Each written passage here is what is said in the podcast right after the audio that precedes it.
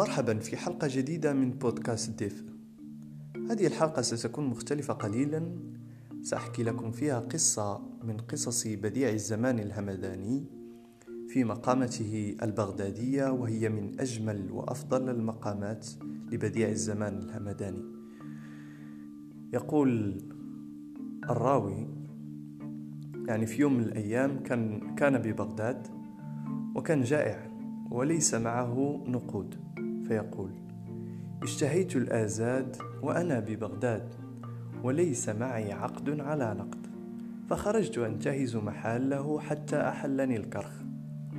فإذا أنا بسوادي يجر بالجهد حمارة ويطرف بالعقد إزارة. يعني عنده فلوس.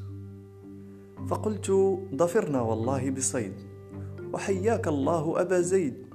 من أين أقبلت؟ وأين نزلت؟ ومتى وفيت؟ وهلم إلى البيت؟ فقال السوادي أنا لست بأبي زيد ولكني أبو عبيد. فقلت نعم لعن الله الشيطان وأبعد النسيان. أنساني كطول العهد واتصال البعد. كيف حال أبيك؟ أشاب كعهدي أم شاب بعدي؟ فقال السوادي قد نبت الربيع على دمنته يعني مات وشبع موت.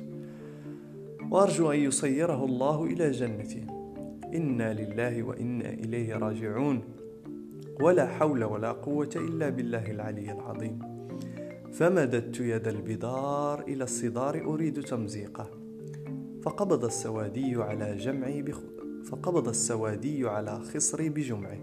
وقال ناشدتك الله لا مزقته. فقلت هلم إلى البيت نصب غداء أو إلى السوق نشتري شواء والسوق أقرب وطعامه أطيب. فاستفزته حمة القرم وعطفته عاطفة اللقم وطمع ولم يعلم أنه وقع. فأبو زيد يعني اللي هو في الأصل أبو عبيد بغى يدير فيها باللي مدعو يعني الغداء رغم أن الاسم دياله هو أبو عبيد وليس أبو زيد. فيقول الراوي ثم أتينا شواء يتسايل شواؤه عرقا وتتقاطر جذاباته مرقا. فقلت افرز لأبي زيد من هذا الشواء ثم زله من تلك الحلواء واختر له من تلك الأطباق. وامضض عليها أوراق الرقاق ورش عليه شيئا من ماء السماق ليأكله أبو زيد هنيا ثم جلس وجلست ولا يئس ولا يئست حتى استوفينا يعني أكلنا حتى شبعنا. فقلت لصاحب الحلوى زل لأبي زيد من اللوزين جرطلين فهو أجرى في الحلوق وأمضى في العروق وليكن ليلي العمر. رقيق النشر كثيف الحشو لؤلؤي الدهن كوكبي اللون ليأكله أبو زيد هنيا. ثم جلس وجلست وجرد وجردت ولا يئس ولا يئست حتى استوفينا. يعني أكلنا حتى شبعنا.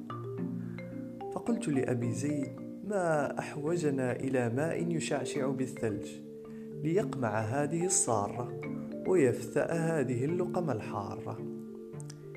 اجلس يا أبا زيد حتى نأتيك بسقاء يأتيك بشربة ماء.